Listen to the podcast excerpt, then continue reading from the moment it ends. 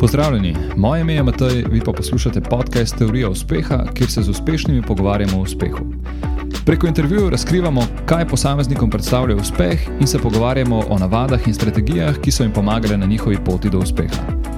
Vsak drugi teden pa objavljam tudi krajše, petminutne solo epizode, kjer z vami delim svoje monologe, nasvete oziroma moje filozofiranje iz naslonjača. Ponovno je na vrsti kratka solo epizoda, in v današnji epizodi bomo govorili o perfekcionizmu. Perfekcionizem bi precej poenostavljeno lahko opisali kot osebnostno lastnost, ki teži k neki popolnosti. In ta popolnost se običajno nanaša na lastno delo perfekcionista. Verjetno bi sicer stališča psihologije lahko precej poglobljeno debatirali o tem, kaj je perfekcionizem, kdo je perfekcionist in kako prepoznati perfekcionista, ampak Jaz bi se nekako konkretneje želel dotakniti perfekcionizma, s katerim se tudi sam dnevno srečujem, eh, tako na poslovnem kot na osebnem področju, in za katerega verjamem, da generalno gledano naredi kar precej škode posameznikom in posledično tudi družbi nasploh. Mogoče so vam poznani naslednji primeri, ali pa se mogoče sami najdete tudi v naslednjih primerih.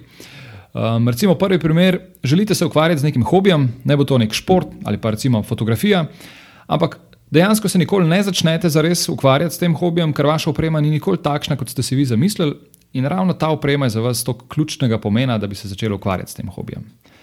Ali pa razvijate neko poslovno idejo, ampak ta ni nikoli dovolj dobra, oziroma ni nikoli dovolj popolna, da bi dejansko lansirali vaš produkt ali pa vašo storitev na trg. Ali pa mogoče ste na položaju odločevalcev v podjetju, ampak imate občutek, da nimate nikoli na voljo dovolj podatkov, da bi se zares lahko odločili pa mogoče še en tak službeni, um, pripravljate različna poročila in ta se vam pogosto kupičijo, saj si vzamete preveč časa za urejanje vseh možnih podrobnosti v poročilih.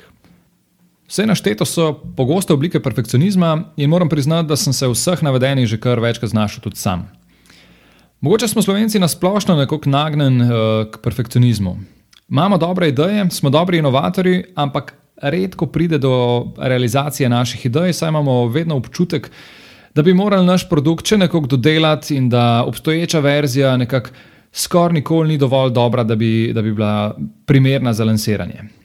Obstaja sicer verjetnost, da smo samo sanjači in da je to glavni razlog za malo slabšo realizacijo, ampak menim, da znamo narediti ta korak naprej um, in da, da ideje ne ostanejo samo neke sanje, ampak vseeno mislim, da realizacija bi pa konec koncev vseeno bila lahko nekoliko boljša.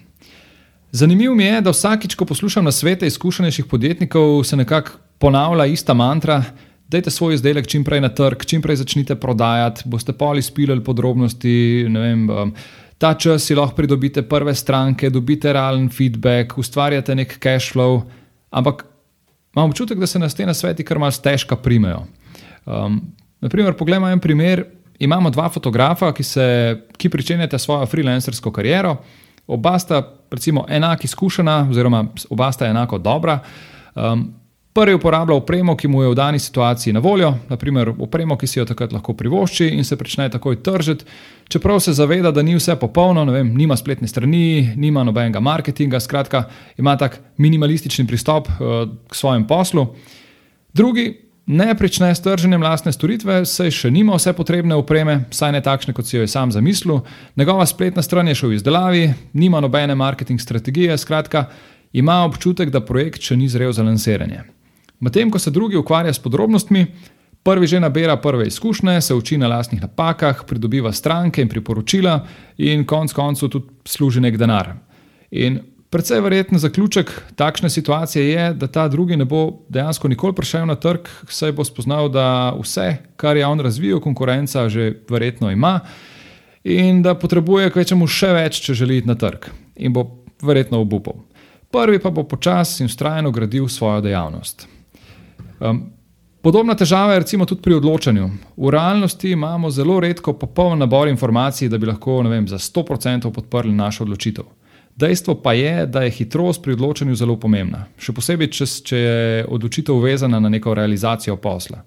Zato je pogosto potrebno svoj perfekcionizem nadomestiti z neko dobro mero intuicije in pragmatizma. Skratka, menim, da, določene, da je perfekcionizem do določene mere sicer koristen, ali pa je mogoče za določene namene, vem, naprimer v umetnosti, celo zelo pozitivna lastnost. lahko pa je tudi zelo velika ovira, um, ki nas ustavlja na poti do lastnih ciljev. Veliko je že to, da znamo, oziroma da smo ga sposobni prepoznati in spremeniti način svojega delovanja.